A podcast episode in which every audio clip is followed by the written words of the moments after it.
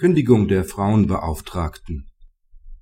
Will ein öffentlicher Arbeitgeber seine hauptberufliche Gleichstellungsbeauftragte durch eine ehrenamtliche Kraft ersetzen, kann er diese bei gesetzlich vorgesehener Möglichkeit wegen eines dringenden betrieblichen Erfordernisses als Ausfluss seiner unternehmerischen Entscheidungsfreiheit kündigen. Die Arbeitnehmerin ist als Frauenbeauftragte seit 1999 bei der Arbeitgeberin einer Gemeinde beschäftigt 2006 ändert der Rat der Arbeitgeberin die Satzung über die Rechtsstellung der Gleichheitsbeauftragten dahin, dass diese zukünftig ehrenamtlich ausgeführt werden solle. Daraufhin wird der Arbeitnehmerin ordentlich gekündigt. Dagegen wendet sie ein, dass es sich hierbei um eine unzulässige Austauschkündigung handele und die Arbeitgeberentscheidung lediglich aus Kostengründen gefallen sei. Die Arbeitnehmerin verliert in allen Instanzen das BAG führt aus, dass die Gemeinde ihrer aus der Gemeindeordnung folgenden Pflicht zur Beschäftigung eines Gleichstellungsbeauftragten auch dadurch nachkommen kann, indem sie diese Funktion einer ehrenamtlichen Kraft überträgt.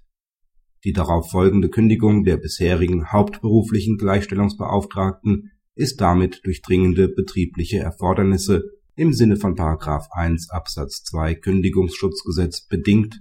da ihr Beschäftigungsbedarf entfällt die hierauf gerichtete Organisationsentscheidung der öffentlichen Arbeitgeberin muss sich auf eine nach sachlichen Merkmalen genau bestimmte Stelle beziehen und darf nicht offenbar unsachlich, unvernünftig oder willkürlich sein. Durch die Darlegung zur organisatorischen Durchführbarkeit und Nachhaltigkeit der unternehmerischen Entscheidung soll vermieden werden, dass die Kündigung lediglich als Vorwand dient, den Arbeitnehmer aus dem Betrieb zu drängen Anhaltspunkte für derartigen Missbrauch kann das BAG hier nicht erkennen. § 5a Absatz 2 der Gemeindeordnung überlässt es der Arbeitgeberin, wie sie Rechtsverhältnisse ihrer Gleichstellungsbeauftragten regelt. Das Gesetz ermöglicht demnach eine Ausgestaltung als Ehrenamt. Es liegt auch keine unzulässige Austauschkündigung vor,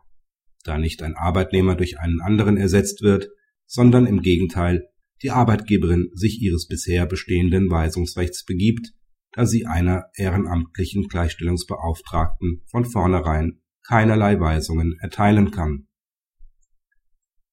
Praxishinweis Das BAG überträgt die in seiner Entscheidung vom 13.03.2008 NZA 2008 Seite 878 gefundenen Leitlinien bezüglich der Unternehmerfreiheit auf den öffentlich-rechtlichen Arbeitgeber und gesteht diesem wie dem privaten Arbeitgeber zu, sich unter allen zulässigen rechtlichen Gestaltungsmöglichkeiten die für ihn zweckmäßigste zu wählen, solange er auch die jeweils nachteiligen Folgen gegen sich gelten lässt